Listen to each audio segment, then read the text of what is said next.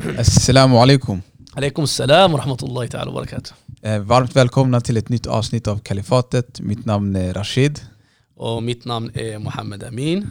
Och idag eh, så har vi ett väldigt intressant och extremt viktigt ämne, eller hur? Yes. Yes. Men bara före det, påminna som vanligt om att dela våra avsnitt. Vi tackar er självklart för att ni redan är engagerade och lyssnar på dem. Och eh, vi ber också om ursäkt om att senaste avsnittet kom så sent men det var lite covid-grejer som kom i vägen om vi säger så. Ja, ja, vi måste följa rekommendationerna som sagt. Och den som väntar på gott eh, eller väntar ju aldrig för länge. Exakt. Och jag vill tacka Kitimba Sabuni som gästade senaste avsnittet. Det var Precis. väldigt uppskattat och eh, tack för alla de här fina kommentarerna som eh, folk har skickat och skrivit. Mm. Och fortsätt dela. Ja, ja. Gillar ni inte oss, fortsätt dela i alla fall. Exakt. Vare sig ni gillar eller inte, det är bara att dela. And sharing is caring. Men idag så ska vi prata om eh, den arabiska våren. And det har gått nu tio år sedan den arabiska våren kickade igång. Det sjuka är att jag kommer ihåg det som det var igår. Ja, Men det har här. gått ett helt decennium. och du vet, det har, liksom vuxit upp en hel generation av unga muslimer som kanske inte minns den tiden eller som inte eh, vet exakt vad som hände och så vidare. Så det, det, det, så det här avsnittet tänkte vi prata om de här tio åren och vi ska prata om typ 6, 7, 8 länder eh, och försöka hålla någon form av tidslinje. Och så ska vi försöka också eh, nämna lite om hur eh, eh, västvärldens syn på den arabiska våren till en början och hur den skiftade och, eh, och sen ska vi avsluta med, eh, med en framtidsblick. Hur, hur tror du att det här kommer gå Emin? Åh, jag vet inte. Alltså, det känns som att det är väldigt överambitiöst men vi får väl försöka sammanfatta så gott som det går. Ja, ja, vi, vi köttar på. Och eh, såklart, vi ber om ursäkt i förhand ifall vi missar några viktiga perspektiv. För att vi kommer definitivt missa. Och vi kommer om, det är omöjligt kunna sammanfatta en hel regions liksom, politiska, eh, vad säger man, genomgång en, eh, på, under ett helt decennium på en timmes eh, poddavsnitt. Det, det kommer inte att gå. Precis, så ni behöver inte komma sen bara ah, men du tog inte upp det här, du tog inte upp det här. Ja, precis. Har vi inte tagit upp det så är det troligen för att vi antingen inte känner till det eller det kanske mest självklara att vi inte hann helt enkelt. Exakt. Och vi kommer säkert bygga, det här är inte det första och det enda avsnittet om den arabiska våren. Vi kommer återkomma till det här temat eh, framöver också. Men eh, jag brukar alltid säga till mina elever när de har svårt att börja, börja från början. Vi börjar från början. Eh, den 17 december så finns en grönsakshandlare i Tunisien vid namn Mohammed Bouazizi. 2010. 2010. Så vad sa jag för någonting? Du sa inte alls. Ja, okej. Ja, exakt. 2010. 17 december 2010. Den här grönsakshandlaren väljer då att eh, sätta eld på sig själv. En, eh, I form av en, en, inte en protest, men eh, snarare en eh, frustration och framförallt en hopplöshet. Ja, precis. Kring sin situation. Uppgivenhet och Precis. hopplöshet, absolut. Och, eh, och han var från Tunisien, han eh, liksom sätter eld på sig själv och eh, det blir någonstans som startskottet för det som då kallades för Jasminrevolutionen och den här revolutionen fick sitt namn den arabiska våren trots att det skedde i ett afrikanskt land men det vet vi kan ta den här diskussionen en annan gång. Alltså, arabiska våren var när det kom fler arabiska länder. Ja, det hette. Jasminrevolutionen från början. Till en början, precis. Men, Men du har rätt. Ja, det, det, det, det är viktigt att påpeka det också. Men det blev som en löpeld. Eh, det började i liksom, Tunisien och sen fortsatte det i många andra länder.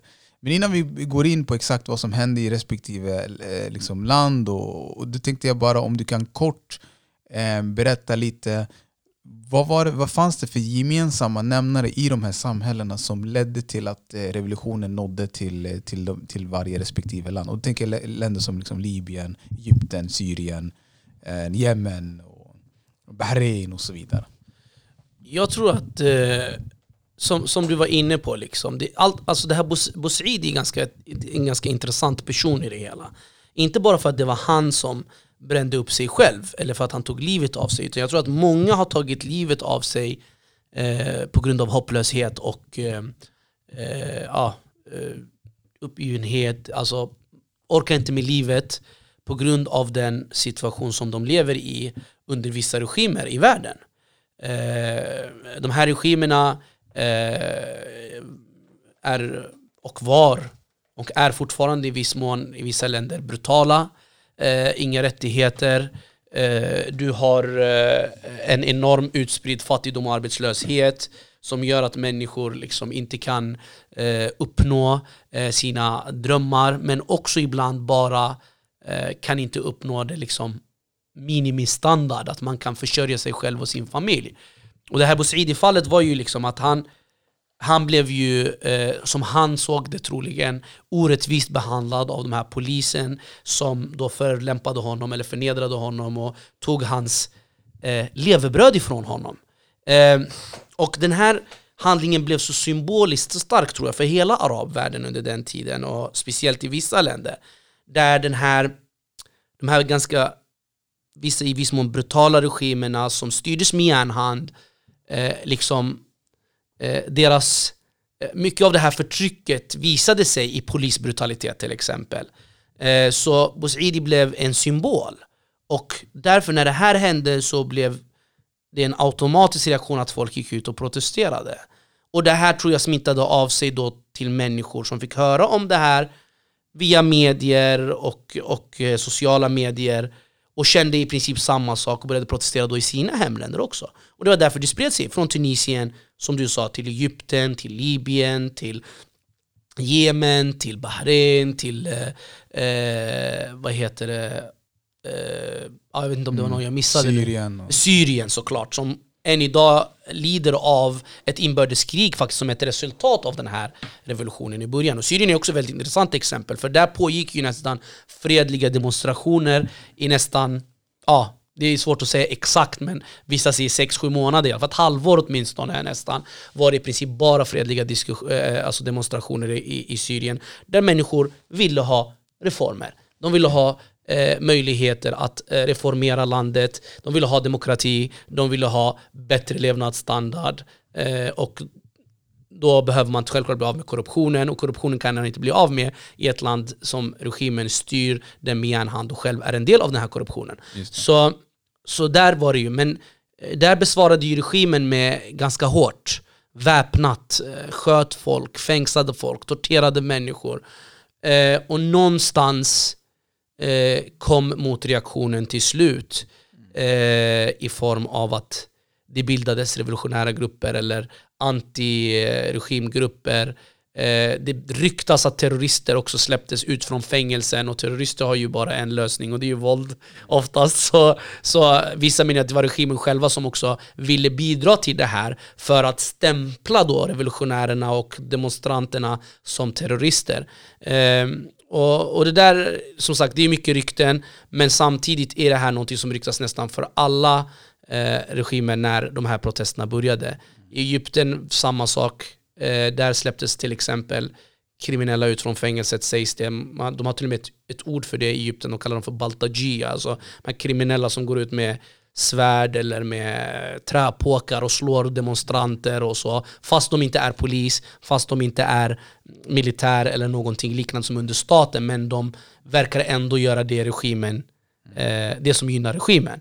Och det finns ju en väldigt känd fall för, och det här berättar vi för att som du sa, det finns ju många som Eh, de var väldigt unga då, eller kanske eh, de, hänger, de har inte hängt med i de här, den här. Kanske vissa känner inte heller till den här informationen, men det finns en, en väldigt eh, eh känd dag som kallas då för kameldagen eller någonting liknande i, i, i Egypten under de här protesterna mot Mubarak då, där de här då kriminella kommer in med eh, vad heter det, kameler och eh, hästar och rider in i folkmassorna i Tahrirtorget.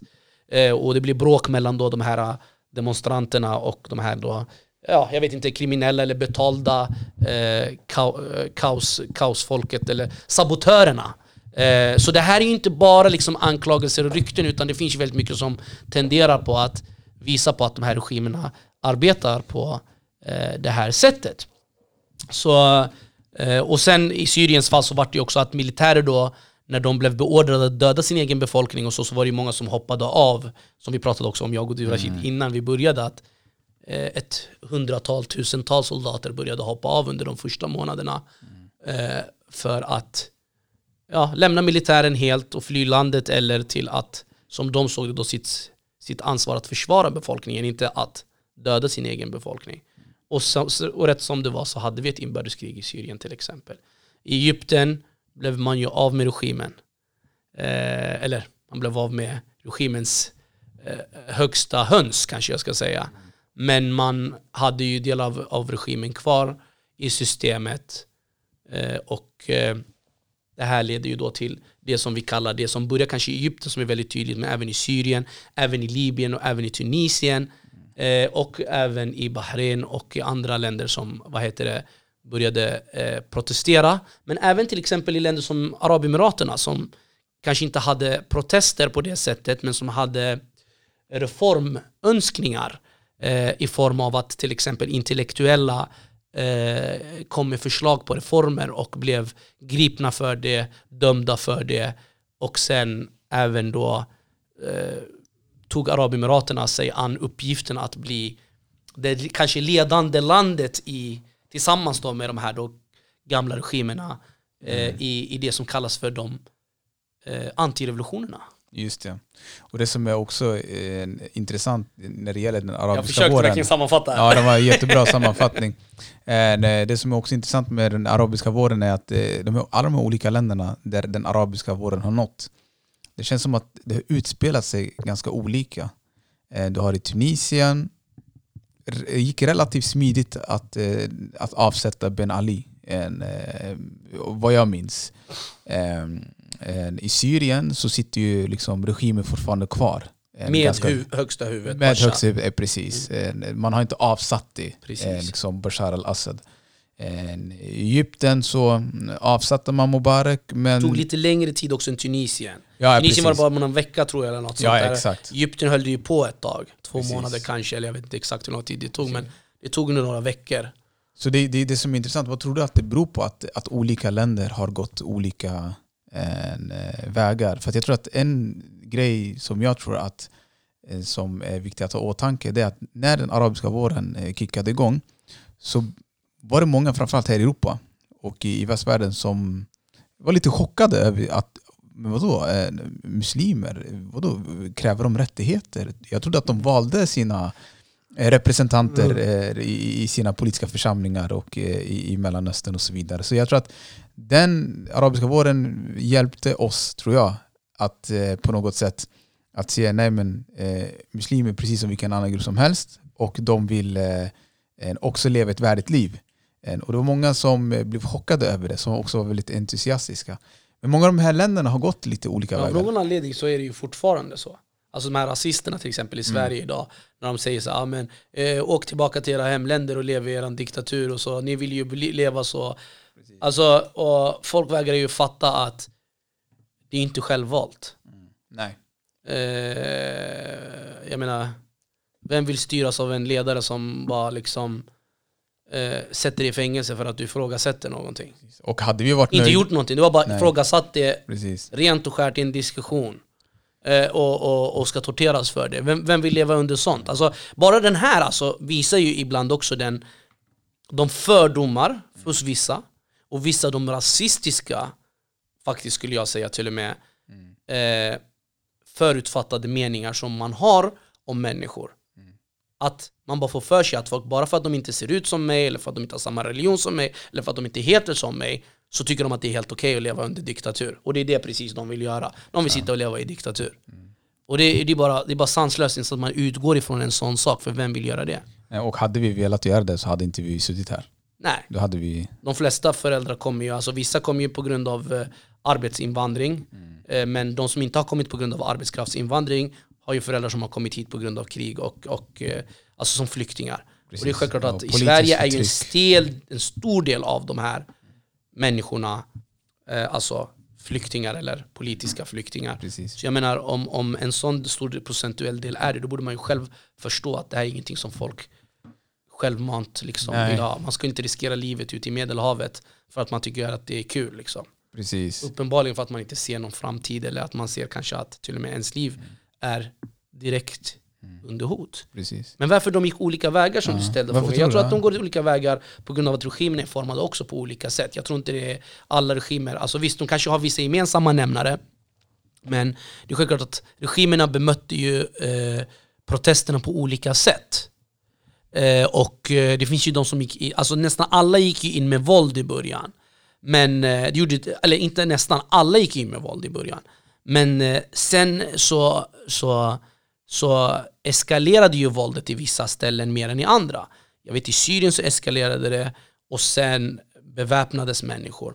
Och varför människor beväpnas kan ju diskuteras. Jag pratade ju om att det bland annat sägs att regimen släppte ut människor som, som har erfarenhet av att använda vapen och så vidare för att säga att alltså de som protesterar, demonstranterna var terrorister och så vidare. Men det är också andra länder som självklart lägger sig i de här protesterna och så vidare. Det kan man inte heller blunda för. Eh, för att när du ska göra en motrevolution, alltså när du ska göra en revolution, eh, när den blir väpnad så måste du ju få tag på, på, på vapen och så vidare. Och det är självklart där kommer ju länder in. Samtidigt är det ju så att precis som Eh, Eh, de som var emot regimen eh, till slut fick nog och började beväpna sig och använda då eh, väpnat våld tillbaka mot regimen i Syrien så kom ju sen till exempel Ryssland in i konflikten på regimens sida och stärkte dem under en tidpunkt då regimen var som svagast. Alltså om man tittar på när Ryssland kommer in och även Iran eh, i, i Syrienkonflikten så är det ju under en tid där regimen har kanske förlorat som mest kontroll över Syriens mark. Idag med, den, med det stödet har de tagit tillbaka en stor del av kontrollen över Syriens eh, markytor. Och sen kommer även andra länder in självfallet i kriget, även USA är där, Turkiet, eh, vad heter det, eh, Saudiarabien en viss mm. tid, eh, Qatar. Qatar. Det är alla, alla, vissa går in direkt i landet som Ryssland gjorde, medan andra kanske supportar militära grupper i i landet eh, eh och genom dem då eh, agerar. Och många motrevolutioner faktiskt skedde på det sättet. Arabemiraten till exempel är ett sånt land som har supportat väpnade grupper med stor sannolikhet i Syrien. Men definitivt i Jemen idag, i södra Jemen är det ju främst eh, de här då som vill bryta sig ut, kanske till och med vill ha självständighet i, i viss mån i södra Jemen, supportas av Arabemiraterna ekonomiskt med flera hundratals eh, miljarder varje år säkert, eller miljoner i alla fall. Mm. Eh, eh, vad heter det? Eh, I Libyen samma sak, där är det också Arabemiraterna som, som supportar till exempel väpnade grupper eh, för att eh, vad heter det, göra för att göra uppror egentligen, om vi ska säga så, mot den internationellt erkända regeringen i, i Tripoli. Men vi har ju exempelvis även, alltså ett ganska intressant exempel nu när du ändå pratar med dig Rashid, jag, vi har ju haft Arabemiraterna även i Somalia till exempel. Mm. Somalia som inte hade den här arabiska revolutionen på samma sätt, men ett land som ändå har i viss mån under de här åren i alla fall efter arabiska våren gått igenom en form av demokratiprocess eh, som är ganska intressant för, för Somalias moderna historia och där Arabemiraterna även här har blivit anklagade, inte bara av eh, folk som inte tycker om Arabemiraterna, för kanske folk kommer säga till ja men du har någonting emot Arabemiraterna, men Även FN har ju anklagat dem i rapporter för att inte göra tillräckligt mycket för att terroristgrupper i Somalia eh, får eh, pengar. Mm. Och att de har till och med blivit eh, eh vad heter det, tagna på bilder att de säljer vapen i Somalia eller till grupper i Somalia trots att Somalia har ett FN, alltså vapenembargo från, som är eh, eh, liksom fastställd av FN och enligt på papper så ska Arabemiraten vara med i den här överenskommelsen men inte respektera den. Just det. Så allt det här eh, eh, ger också en hum om varför den här antirevolutionen kommer till. Eh, som jag tror att du, du var inne på det här att man blir ganska chockad i hela världen av, över den här arabiska våren. Jag tror att Många blir chockade. Jag tror inte bara att det var vanliga människor som blev chockade. Jag tror regimerna blev chockade. Jag tror, eh, eh, vad heter det, många av regeringarna i västvärlden som, som då kallas för liberala demokratier blev chockade. Man har ju liksom varit van med att folket är underkuvat och så, så funkar det. Just och sen bara plötsligt från ingenstans. Och den här antirevolutionära rörelsen som uppstår då, som, som jag menar då uppstår främst av eh, regimens rester och eh, vissa då stater som Arabemiraten men även andra länder i Gulfen och så vidare. De eh, är ju där och eh, vad heter det, också ställer till det. Mm, försöker sabotera. Precis, och det är det som gör också att utvecklingen blir olika också i olika länder. Beroende på hur mycket inblandning, beroende på hur eh, grov regimen var också. Så det, jag tror att det är flera komponenter som spelar roll. Hur många länder blandar sig in. I ett land blandar sig ett land in, i ett annat land blandar sig fyra, fem länder in. Ja. Och det här är inte klart än. Tittar man till exempel på Libyen så har det varit mycket kritik mot Turkiet den senaste tiden att de har gått in där.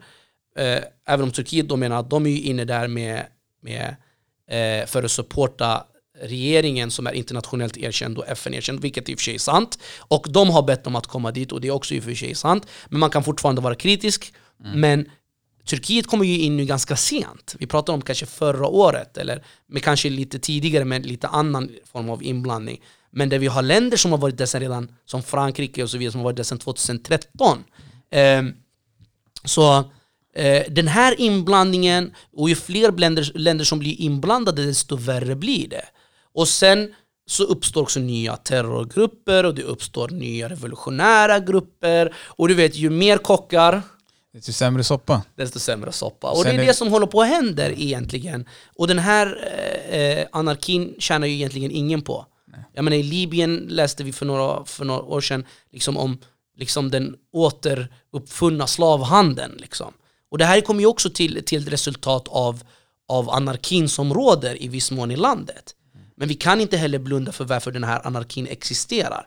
För när man gör ett avtal i Skherat i Marocko, i Libyen, för att, för att få till en regering och man får en internationellt erkänd FN, eller FN-erkänd regering så är det ju faktiskt Frankrike, Arabemiraterna som, och Egypten som supportar upprorsmakarna i östra Libyen som då inte kontrollerar alls mycket av landet men efter flera år av support och mycket vapen och, och otroligt mycket eh, pengar så lyckas de eh, ta eh, kontroll över den större delen av Libyens mark. Även om majoriteten av befolkningen fortfarande lever under minoriteten av marken. Och det här visar ju också hur komplicerade de här mm. frågorna är. Jo, det är väldigt geopolitiskt och väldigt komplext och det är många länder som är involverade och det är klart att eh, utgången... Naturresurser kommer in, du vet, vem ska få kontroll över naturresurserna? Mm. Idag är inte oljan och det här är jag, jag står för det här och jag vet att många eh, kanske inte håller med mig. Men idag är oljan inte lika viktig som den var 2003 när USA gick in i Irak. Mm. Eh, där, var, där kunde man, oljan var så pass viktig då att man kunde gå in i krig för det. Idag är det ingen som gör det så. Utan det är mer att det blir ett krig, eller det blir ett tjafs, eller det blir ett inbördeskrig och sen går man in för att utnyttja läget. Den är värd men den är inte så värd som den var då. Eh. Idag är gas till exempel kanske ett ännu intressantare, en intressantare naturresurs i, i, i viss mån. Om man tänker på eh, ekonomiskt. Så, så, och jag tror här är det också många som inte hänger med i analyserna också. För många tror att ah, men det är krig, de, de gjorde så här för att de ville ha oljan och hit och dit. Nej, alltså oljan var inte den centrala frågan i den arabiska våren i början utan det är i så fall någonting som, som kommer att bli intressant att utnyttja snarare i så fall eh, längre fram när de här antirevolutionerna började. Precis. Och jag... Det känns som att det är bara jag som pratar idag brorsan, nu får du nej, säga nej. någonting. Eh, eh, det som jag tänkte på också, att eh, det är ganska intressant nu när vi pratar om vilka länder som involverar sig i, i den arabiska våren, alltså pratar om utomstående länder som inte befinner sig i, i Mellanöstern, mm. pratar om europeiska, nordamerikanska och så vidare.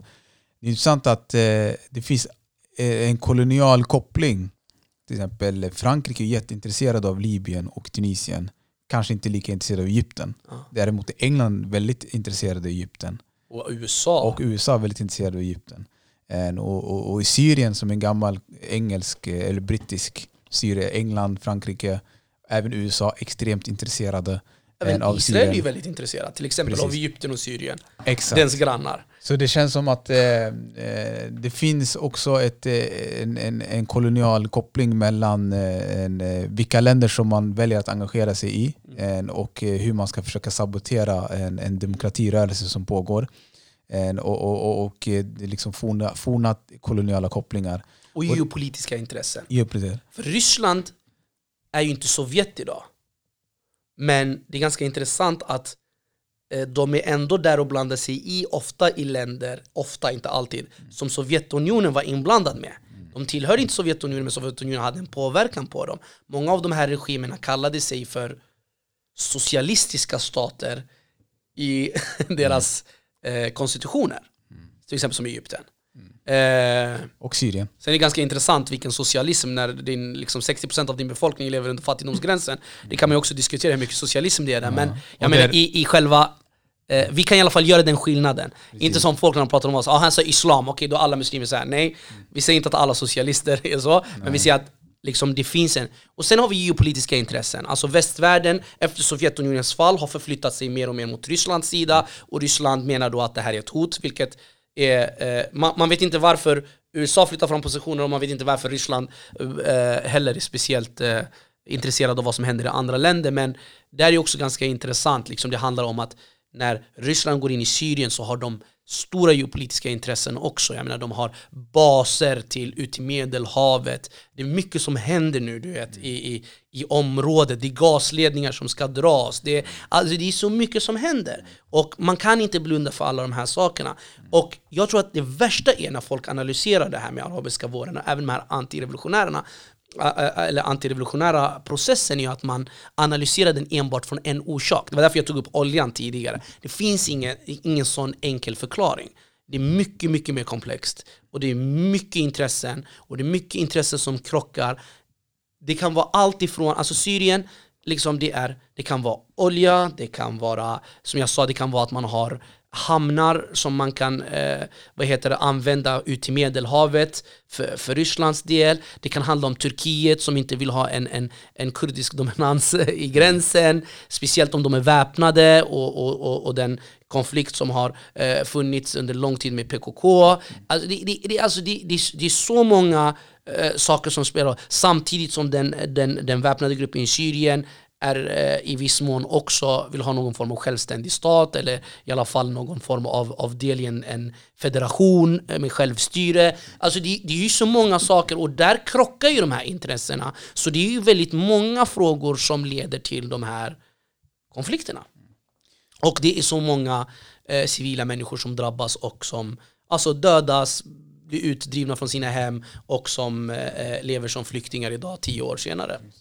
Och det som också är eh, en självklar del av den I ett arabiska, land som säger de stick hem. Eller hur, i ett land som säger stick hem. Och en självklar del av den arabiska våren är ju de här som du har varit lite inne på, de här antirevolutionärerna, sabotörerna.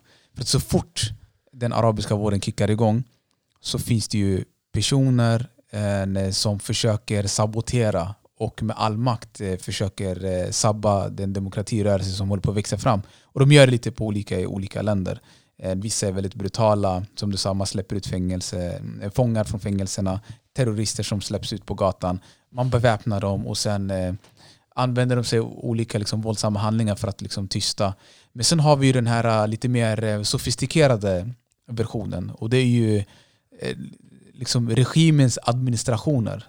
Alltså, ben Ali må ha varit liksom, ansiktet utåt men han har ju en drös med människor i militären, i parlamentet i de olika politiska församlingarna, statlig tv så och så vidare. Och sen får man inte glömma heller, och det här är jätteviktigt tror jag när vi pratar politik.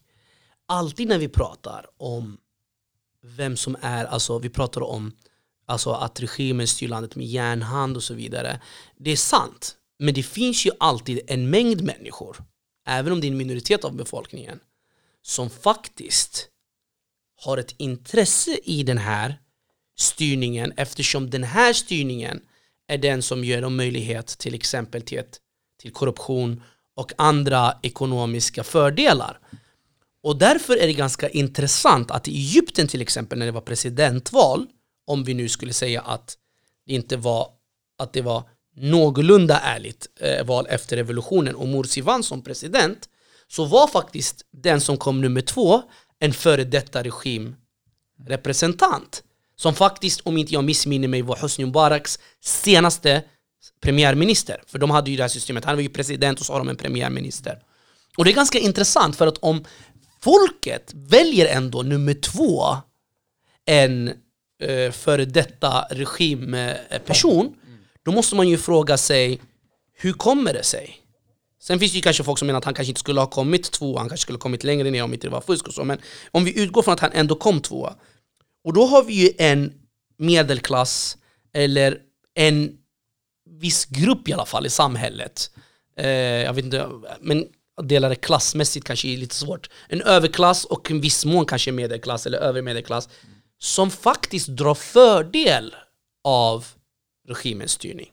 Inte bara i korruption, utan även i form av kanske politisk stabilitet. För du kan ju vara en regim och styra med järnhand och tortera människor i fängelsehålor som ingen ser men utåt ändå se ut som att det finns en viss form av politisk stabilitet. Och business och affärer vill ha politisk stabilitet.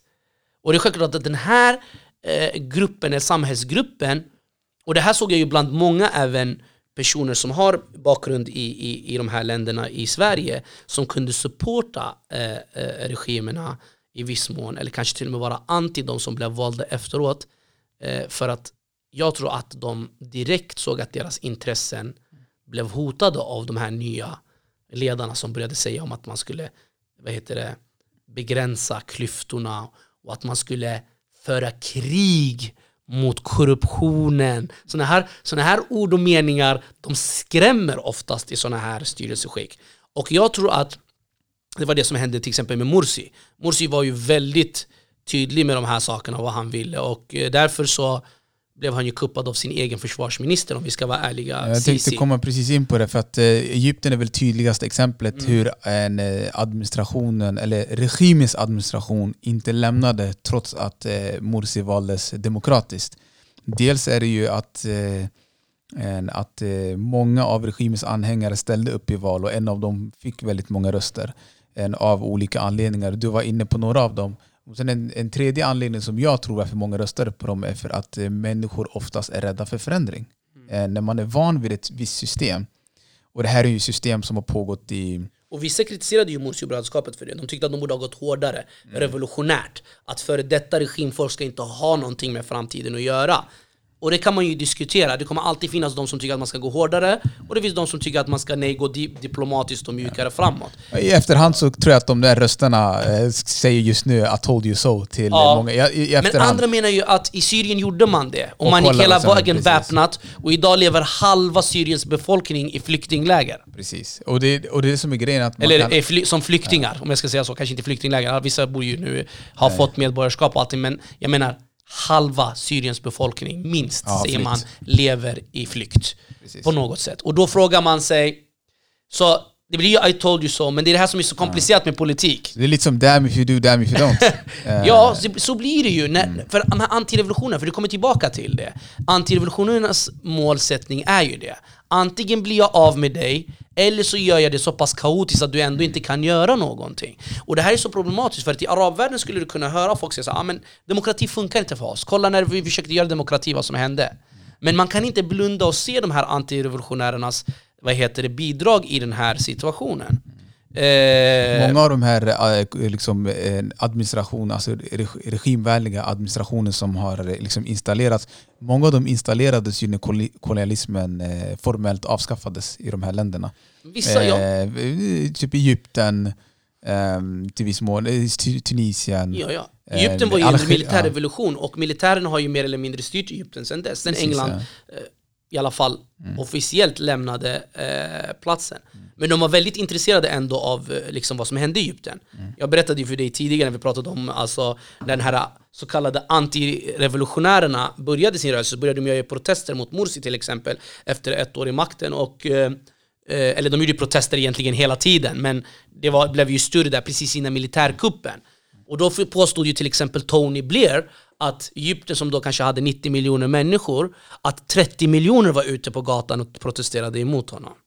Mm. Vilket är ganska intressant, för att ingen genom hela det här året i något val tror jag lyckades samla på sig ens 30 miljoner röster. Nej. Men ändå menar han då att 30 miljoner var ute på gatan, det kanske var 3 miljoner eller mm. 2 miljoner eller 1 miljon. Och, att... och det här var ju en del för, det här visar ju liksom hur man ställde sig också i de här liberala demokratierna. Liksom. Man, man, man vill ha liberal demokrati själv, mm. men eh, eh, liberala demokratier är jobbiga på det sättet att deras beslutsprocesser är lite tuffare och därför är det lite, när vi vill ha ett oljeavtal eller ett gasavtal eller för den delen även ett politiskt beslut som inte folket vill, då är det ju mycket lättare att ha med en eh, envåldshärskare att göra eller med en militärregim för, för det är ändå de som tar alla beslut. Och det här visar ju på problematiken också som hände i västvärlden som var relativt positiv, både medialt och politiskt i, i, i, i diskussionen om arabiska våren i början men som sen när de börjar se vilka som blir framröstade när politisk islam till exempel, vi har pratat om politisk islam mycket, kommer till makten i vissa länder och så vidare eller blir kanske andra störst eller allra störst som till exempel i Egypten. Ja men då var det inte så kul längre med det här med demokrati. Då eh, plötsligt börjar man ställa sig med det som då man menar är emot de här nya då, auktoritära styrena som man menar. Eh, men egentligen så, det enda som gynnades av den här eh, så kallade protesterna som var mot de här auktoritära var ju faktiskt regimerna själva. Mm. Och det är därför Egypten, när man gjorde militärkupp mot Morsi knappt ett år efter hans, eller ungefär ett år efter att han suttit i makten, så sitter samma militärbefälhavare som gjorde militärkuppen Sisi idag i makten nästan åtta år senare. Mm. Och, för att, och sen när han såg att det blev knas för att han skulle inte kunna ställa upp eh, i presidentvalet för att hans tid ska ta slut som i USA eller vad det nu kan vara. Ja, vad gör han då? Går och ändrar konstitutionen jo, för att han ska kunna ställa upp fler gånger. Och eh, då har vi den här processen igen. Och det är ganska intressant liksom att från att tiotals miljoner egyptier gick och röstade till att man har tomma vallokaler för att man vet att det inte finns några mm. alternativ och Sisi får 98% av rösterna. Det. det är det han får. Men det, också det, det som också är eh, en, sjukt viktigt att påpeka i det här sammanhanget det är att kontrarevolutionärerna har ju inte agerat på egen hand utan de har ju fått eh, stöttning både utanför som vi nämnde lite tidigare från externa länder som Arabemiraten har ju varit, tryckt in mycket pengar Eh, du har liksom USA. Redan ja, men. USA de har snackat om att de ska stoppa bidrag flera gånger men så gör man ju oftast inte det. Varför stoppar ni inte bidrag till en eh, antirevolutionär eller antidemokratisk, antidemokratisk ledarskap? Precis. Eh, money talks du vet. Ja. De, de, får väl någonting tillbaka. Ja. Men sen har vi ju de här, jag tycker det är extremt viktigt när det gäller de här antirevolutionärerna eller antidemokraterna som ploppar upp, det stödet som de får. Det är att det stödet som de får leder ju till att de faktiskt rubbar den demokratiska processen. Ja. Eh, vilket har hänt i samtliga länder. Den där arabiska våren har liksom kommit till. Det är att de har lyckats antingen återinstallera tidigare regimer, gamla regimer. Att man har liksom återinstallerat dem. Eh, den lilla politiska vakuum som fanns där. Ja, precis. Man byter ju bara ansikte. Exakt. Mm. Och, och, och viss mån, i vissa länder där, jag vet inte om kanske Tunisien brukar man säga, det är land som har gått, gått bäst. Till och med där har det varit ja. enorma liksom, Parlamentariska problem. kriser, man börjar hota om omval. Du vet, alltså för att det, det är ju så. Och man stör den här försöket till den här demokratiprocessen hela tiden. Och det är därför, alltså, till exempel tittar man på Egypten, det, det var ju militären som styrde innan Morsi, det var de som troligen styrde ändå i viss mån under Morsi också. Kanske inte fullt ut, för Morsi, liksom, men mer eller mindre. I bakgrunden fanns de ju där. Och sen när de gjorde militärkuppen så var det militären som styrde igen. Det enda man gjorde egentligen när Sisi kom, han tillhör kanske en yngre generation militärofficerare än den som Mubarak tillhörde. Mubarak tillhör ju den gamla gardet med Sadat som var före honom och han var ju redan med Abdel Nasser redan tidigare. Han är ju väldigt, den här väldigt äldre generationen. Och man tog bort några befälhavare under Mursis tid. Så vad militärerna gjorde, också den här yngre generationen som Sisi tillhör, de utnyttjade ju också lite Mursi-perioden till att rensa vissa av militärofficerarna i de högre skikten. Som den här Anan, tror jag han heter, en och en annan heter eh, Tantawi tror jag. Mm. Så blev man ju av med de här då, den här äldre generationen, de som var i Mubarak eh, eller närmare den åldern. De var ändå sen, på väg ut, det, är det, som är, det var lite kosmetika. Ja men de går ju aldrig ut, ja. det är det som är grejen och det vet Sisi. Ja. och därför var han tvungen att, att, att, ta chansen att göra sig av med dem tidigare så att hans generation kan komma in i, i gamet och, och, och ta den här högsta eh, ledarskapet. Och det är väldigt intressant också med antivisioner. Det finns så många exempel, men jag kan inte nämna alla. Men ett sånt här tydligt exempel var ju när Egypten, när Sisi gjorde ehm, eh, militärkupp eh, mot eh, eh Morsi eh, och eh, tog bort då den kanske enda sanningsenligt demokratiskt valda presidenten i Egyptens historia. Ehm, då eh, Sisi-stöd. Både genom gratulationer från ett x antal arabstater i bland annat Gulf, Gulfen och Bashar tror jag och, och, och lite andra regimer. Eh, och eh, i väst så gratulerade man inte men man sa alltså men nu ska vi göra det demokratiskt, ordentligt, utan de här islamisterna. Typ. Och sen så har vi då det tredje exemplet att flera stater i Gulfen, om inte jag missminner mig, Kuwait, Saudiarabien, Arabemiraten och Bahrain betalade en summa runt 12 miljarder dollar tror jag eller någonting liknande till Sisi-regimen som en stöd eller support nu i den här nya processen. Och det här om något visar ju på de här äh, antirevolutionära eh, den antirevolutionära processen, att den var där väldigt tidigt. Och det är den som fortfarande pågår idag när Arabemiraten till exempel lägger som eh, Ben Maktoum sägs ha sagt i ett, i ett inofficiellt möte vi betalar flera hundra miljoner Dollar om dagen. om dagen. Precis, flera hundra miljoner dollar om dagen. För vad då? Ja, det är en bra fråga. Och skulle du fråga mig så är det bara en enda sak egentligen de tjänar. Visst, de utnyttjar lite hamnar, olja och hit och dit. Men jag tror att de lägger mycket mer pengar än vad de tjänar ekonomiskt. Och då ser jag bara ett svar och det är att behålla den här regionen så antidemokratisk som det går. Att hindra eh, så jag hindra, jag menar hindra att den blir demokratisk den här regionen och att den är kvar antidemokratisk så länge som det går.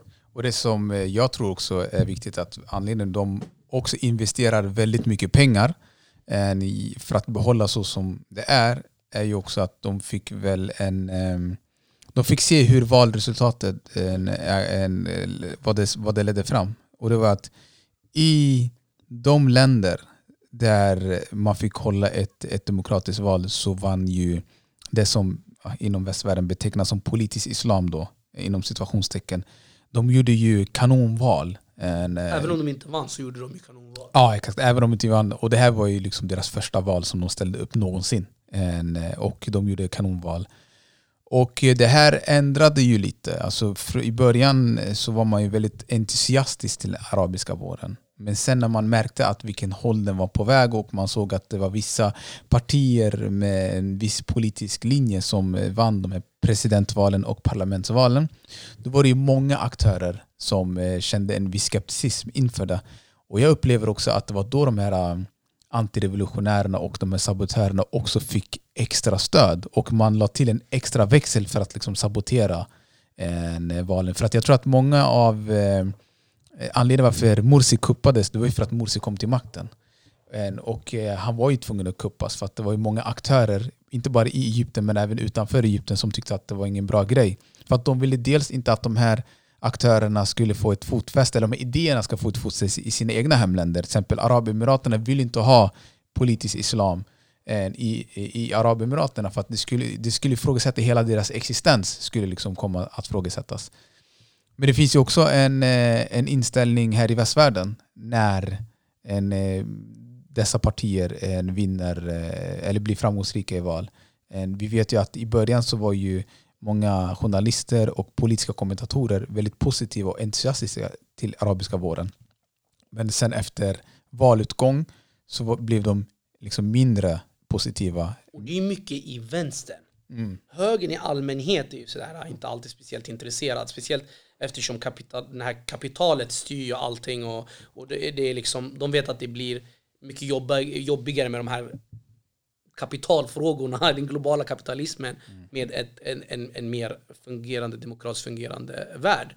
Eh, skulle jag säga. Men vänstern har ju alltid haft den här liksom, revolutionära idén, eh, liksom jobba emot regimer, ehm, eh, du vet, och, och så. De var jätteentusiastiska som du sa. Även de vänster, som är ganska kända socialister eller vänsterjournalister var ju det också. Men sen när de här resultaten kommer och det inte är typ, eh, vad heter han?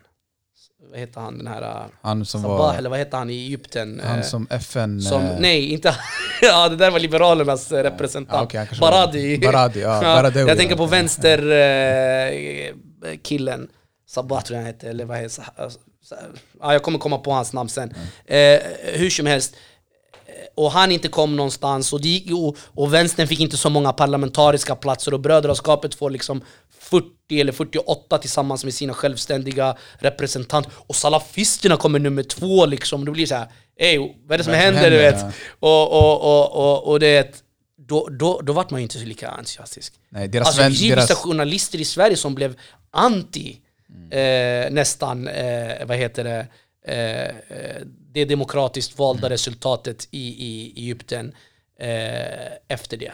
Och eh, vissa journalister, vissa politiker som jag även har haft diskussion med, även inom Miljöpartiet till exempel finns det en, och, och, eller kanske flera, inte en, det finns flera. Eh, och inom även vissa inom andra politiska partier. Eh, högern är högern liksom. Jag tänker inte ens gå in och diskutera det just nu. Men eh, vad jag försöker säga är att den här problematiken finns. Och jag tror, och jag tror, nu kommer jag analysera det här, nu kommer säkert några av mina eh, vad heter det, lyssnare kanske vill bli lite arga på mig. Men jag tror att det finns ett problem eh, inom, inom vänster, eh, nu pratar jag inte om vänster som vänsterpartiet utan jag pratar vänstern, alltså som politisk falang, eller vad man ska kalla det. Ja, en del av vänstern. Socialistiska liksom. Eh, jag tror att det finns ett problem är att de har ett väldigt alltså, intressant, en intressant diskussion om makt och makten, hur makten påverkar och maktförhållanden och så. Eh, och jag vet inte, ibland känns det som att man bara blir antimakt eh, automatiskt, eller så blir det det som jag har liksom lite eh, analyserat kring eh, under de senare månaderna, kanske åren skulle jag säga, där vissa vänsterindivider eh, och representanter, även bland rasifierade vänster ska jag säga nu, eller folk som har en annan bakgrund, alltså icke-vi- icke-vita vänster eh, att så fort politisk islam till exempel eh, blir inblandad i den politiska processen så blir de anti automatiskt. För att jag tror att vissa av de här personerna inte kan skilja mellan sin eh, makt, eh, sina maktanalyser och an- makt, eh, eh, maktkritik. ja, maktkritik och mellan deras antireligiösa och jag skulle kunna säga, nästan säga religiös hatande ateism. Nu säger jag inte att alla ateister är så, och jag säger inte att alla vänster som är ateister är så, utan vad jag försöker säga här är att det är uppenbart att det finns ett flertal vänsterjournalister och, vad heter det, eh, som jag ser det, eh, politiker och ideologer som faktiskt eh, får problem med att eh, politisk islam till exempel eh, blir en del av den politiska processen. Och då kan jag inte se det, jag kan inte se någon förklaring till det. Speciellt de som blev det i början, när de inte ens har sett vad politisk islam kommer att göra eller eh, presentera rent politiskt. Alltså, vi hade en vänsterperson i Sverige som sa, tror jag direkt efter att Morsi blev vald, vi stod i Tahrir under eh, jag vet inte exakt hur han uttryckte sig, men vi stod i Tahrir typ eh, mot Mubarak och nu ska vi stå mot Morsi. Varför ska du stå mot Morsi? Han har precis blivit vald. Låt honom jobba, om han inte vill släppa makten, då kan du bli emot honom och då står jag med dig. Men innan dess, ge honom chansen. Förstår du? Och då när man blir direkt emot en person, då betyder det antingen så finns det den här då, att man är så mycket antireligion, eh, alltså när ateismen har gått över till hat mot religion och man kan inte kontrollera de här känslorna. Eller så är det bara att man är så pass självisk att antingen kommer vänstern till makten eller så får ingen vara där. Och, då, i, och i vilket fall som så har vi ett problem. Såklart. Och jag tror, har inte det också lite med den globala islamofobin att göra? Eh, eftersom att många gånger när man diskuterar islamofobi så kanske man eh, pratar om Sverigedemokraterna eller eh, liksom allmänt rasister. Men islamofobin är ju utbredd och institutionaliserad och global, global och du hittar den även delar av, eller stora delar av vänstern också som eh, har en föreställning om att muslimer med makt är farliga Ja. En- och muslimer med makt måste bekämpas oavsett hur de kommer till makten.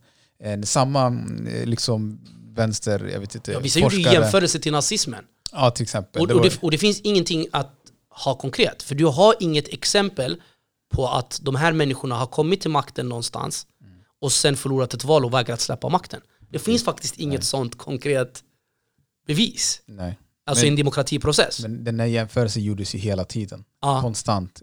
eh, gång på gång i, i, i, i våra nyhetsförmedling liksom, förmedling så gjordes det. Och den utmanades Men jag menar, om det, om, om det ska läggas på någon så ska det ju läggas i så fall på de regimerna. För de vet Precis. vi ju, de släpper ju inte makten. Och även när de gör val så gör de någon sån här sorts teaterliknande val. Där de hämtar en, eh, en motståndare. Alla andra är inte, uppfyller inte villkoren eller kraven av någon anledning. Exempel som Egypten, 90 miljoner. Ingen uppfyller kraven eller villkoren. En person uppfyller det. En enda motståndare. Och den motståndaren får 1% och den som ställer upp och vinner valet, det vill säga den före detta militärgeneralen som tog eh, makten med våld, jo han får 98%.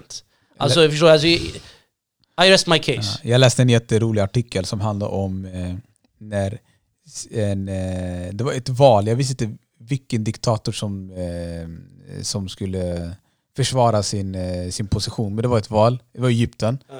Jag vet inte om det var Mubarak eller om det var Sisi, jag kommer inte ihåg. Eh, Men då sa de att eh, det var en person som skulle, det var Sisi tror jag, för att det var en person som skulle ställa upp i val mot Sisi och det var många som inte ställde upp på grund av principen eftersom om man ställer upp i ett val mot Sisi så erkänner man ju statskuppen på något sätt, eller militärkuppen. Eh, Så det var många som inte val, ville liksom ställa upp av den principen. Men det fanns några som ville ställa upp och bland annat den här FN, eh, egyptiska FN-killen tror jag. Eh, om inte det var någon annan. Jag tror det var han, vänsterkillen. Vänsterkillen. Han Ja just det, var han. 1%. han. Inte bara att han fick 1% utan det var fler personer som, eh, som röstade. Det var ju många röster som var ogiltiga. Eh, eftersom de röstade fel eller de eh, en, eh, kryssade i på ett fel sätt eller de kluddrade i valsedlarna så att deras valsedlar blev ogiltiga. Då- Det fanns fler ogiltiga valsedlar än vad, eh, än vad han fick röster. Eh, det var det, det var det som var ganska liksom, komiskt, att han ställde upp i ett val men så var det fler människor som var ogiltiga. Det var må- fler människor som skrev in andra kandidater som inte ens existerade. Eh, typ, någon, så här, typ någon känd fotbollsspelare, de skrev in hans namn och han fick liksom fler röster än, än den här killen som ställde upp. Men eh, vi ska tänkte blicka framåt och jag tänker att eh, vi har pratat väldigt mycket om hur de här olika länderna, eh, vilka skilda vägar de har gått och vi har pratat om de här antirevolutionärerna som har eh, på något sätt eh, sabbat eh, eller försökt att sabba demokratirörelsen. Eh, sen har vi liksom nya länder som har tillkommit som vi inte pratat så mycket om att eh, den arabiska våren kom ju till Sudan, Irak, Libanon, Algeriet på senare tid. Vilket kan eh, egentligen förklaras med att den ar- arabiska våren har inte dött ut utan att den lever kvar, kanske i andra former och den har intagit nya liksom, samhällen och länder eh, där den verkar. Eh, och det verkar som att det här är en långt utdragen revolution snarare än kraftig revolution. Utan Precis. det verkar vara som en, en lång utdragen process där saker och ting sker. Och det är kanske så här revolutioner, ser ut i det moderna samhället. Du vet, 1700-talets revolutioner, det var ju så blodigt. Man störtade någonting och sen byggdes någonting upp från grunden igen. Eh, Den franska revolutionen till exempel. Mm. Men eh, det verkar som att revolutioner i modern Och tid... där blev det ju också många antirevolutioner egentligen. Ja, det är fram och tillbaka. Eh, Och jag tror att också att idag, för att vi ska förstå den, vårt moderna samhälle och det politiska klimatet idag, så kan man inte ha en... Revolution är inte någonting som bara sker en gång, utan det verkar som att det är en konstant grej som pågår och som kommer upp då och då. Och sen ibland släcks den och sen kanske kommer nya aktörer och så vidare. Och sen får vi se var vi landar i, i, i framtiden helt enkelt. Ja, du har rätt. Eh, och jag vill bara säga först, han heter Hamdin Sabahi, så var han heter. Sabahi. Ja, Det just kom det. fram till slut där. Eh, och eh, du har rätt, framtiden är ju en ganska intressant sak. Vad händer nu efter tio år nästan av revolution och motrevolution eller antirevolution eller vad vi ska kalla det, kontrarevolution? Precis. eh, Jag är ganska hoppfull faktiskt. jag tror så här. Eh, 2019-20 blev det ju nya protester. I länder som inte hade haft det tidigare, i alla fall inte på, på det sättet som det blev när det blev i, i Libyen och Tunisien och Egypten och Syrien och Bahrain och så. Och det var ju Sudan och Libanon och Algeriet. Sen Även- hade vi även Irak. Precis. Men Irak har ju haft flera. Du, Irak är lite egen case. Och det här ser vi ju, det är så komplext. Vi gör ju en ganska jobbig grej för oss själva när vi ska hålla på och diskutera flera stater samtidigt. Det känns som att vi pratar mest om Egypten, men vi får försöka liksom eh, eh, snurra runt här. Men Sudan, Irak, Algeriet eh, och Libanon är ganska intressant för det här är länder som någorlunda inte har någon eh, på samma sätt en arabisk vår som de här andra länderna som vi har pratat om. Men de har ganska stora protester, speciellt nu under 2020. Och människor säger arabiska våren tillbaka. Eh, och sen så dör ju de här också lite ut. Regimen slåss med dem på gator. Man försöker göra vissa reformer för att visa att man faktiskt ska göra någonting. Och så byter man lite ansiktena. Den som var någonting minister får bli en annan minister. Och så försöker man göra någon sån här ansikts ansiktsupplyft eller vad som man kallar det. Ja, nu har vi en ny Eh, regimen, regering. Ja. Eh, och det är uppenbart att det inte är klart än. Bara igår läste jag om Sudan, nya protester. Nu när de ska försöka ha den här revolutionsregeringen och så. Och där är det också ut ganska intressant, för även de här revolutionsgrupperna ibland har ju ett problem, att de försöker ju utesluta också sina politiska motståndare. Det här finns ju också, det, det, det har existerat även i de här andra länderna eh, tidigare. Eh, men Och många av dem drivs av en form av hämndbegär, du vet. Ja, inte en form av att de försöker göra verkligen Precis, landet att bättre. Och det är där som vi kommer tillbaka till, det är så svårt det där. För vissa säger ja du måste rensa och, och de försöker säga att det inte är hämnden som driver dem och andra säger nej vi måste gå mer diplomatiskt framåt. Och det funkar inte heller alltid som vi såg i, i till exempel Egypten, för det är samma regim som kommer och gör alltså, eh, militärkuppen liksom emot det. Alltså det är militären, det är samma apparat. Så, så jag menar alltså, det där kan man ju diskutera som sagt väldigt länge och jag tror inte vi kommer vara överens. Jag tror alla har sina egna synsätt och folk gör lite olika analyser. Men jag tror att om det här säger någonting så säger det att de där hundratals miljoner som han Mek- Mektoum eller vem det var som sa, vad heter han? eh, Han från från Arab, A- Arabemiraterna. hade då sagt att de där flera hundra miljoner dollar som de lägger varje dag har inte hjälpt. För att om målsättningen var att bli av med politisk islam, ja kanske har politisk islam försvagats i viss mån, men det kan vara en försvagning som, som kan tillfälligt. Ja, Man vet tillfällig aldrig. kan ändras väldigt snabbt. Eh, samtidigt som den politiska islam kanske har försvagats som politisk rörelse så har den i vissa länder blivit starkare i popularitet på grund av att man har sett att de, för vissa tycker att de har blivit orättvist behandlade. Och i viss mån har politisk islam också blivit dåligt kännetecknat med dåliga saker. I Marocko till exempel senast när man gjorde den här överenskommelsen med, med så kallade fredsavtalet med, med Israel då, som man håller på med nu. Eh, då har ju de som, som representerar politisk islam och som sitter i regeringen tvärtom fått mycket kritik och kanske blivit mer impopulära av det här beslutet. Så det där, det där, det där tål ju diskuteras. Det är som jag sa, varje land måste analyseras för sig själv. Såklart. Däremot är det väldigt intressant för det man kan se i sin helhet skulle jag säga, och det är det som jag vill komma fram till om framtiden. Det är att nio år senare så blev det protester igen i andra länder. Och om det här visar någonting så visar det att de här antirevolutionära krafterna eller kontrarevolutionära krafterna eh, har uppnått en sak. Och det är att de har försenat förändringen. Men jag tror inte att man kan stoppa förändringen eller viljan till förändring. För jag tror att viljan till förändring finns fortfarande hos många. Eh, jag tror att man försöker säga att kolla vad förändringen gav, det gav bara värre och folk har dött och så vidare och så vidare. Och det är sant, många tycker så. Jag tycker också det är ett problem att så många människor har fått sätta livet till och så vidare och så många länder har blivit förstörda. Eh, men samtidigt finns en vilja till förändring fortfarande. Det finns en ny generation, det är tio år senare. Det finns människor som var tio år då som inte fattade någonting, eller fattade väldigt lite, som idag är 20 år och är ute på arbetslivet och får inte jobb och ser korruptionen i deras samhällen. Det är inte så enkelt. Om ytterligare tio år, ja, då har vi en till våg av unga som är- blir äldre. Och vi vet att många av de här länderna och regionerna har en stor ung befolkning. Eh, och eh, därför tror jag att eh, eh den geopolitiska situationen, eh, den demografiska situationen och den ekonomiska, globala ekonomiska situationen är inte till de här kontrarevolutionärernas fördel utan tvärtom. Eh, jag tror att om de hade varit smarta så hade de försökt hitta några former av reformer och försöka göra sig sams med den här stora massans önskemål snarare än att försöka vad heter det, stoppa någonting som troligen är ostoppbart. Ja, det var bra avslutande ord Amin. Du Tack. ramade in hela avsnittet väl. Så eh, revolutionen eh, fortsätter och lär fortsätta fast kanske i andra former. Ja. En, eh, tack så jättemycket för, för det här avsnittet Amin, det var väldigt bra. själv. En, och tack för er som har lyssnat. Och, och vi kommer komma med fler insikter kring den arabiska våren. Vem vet, vi kanske djupdyker i ett specifikt land och bara grottar oss i det.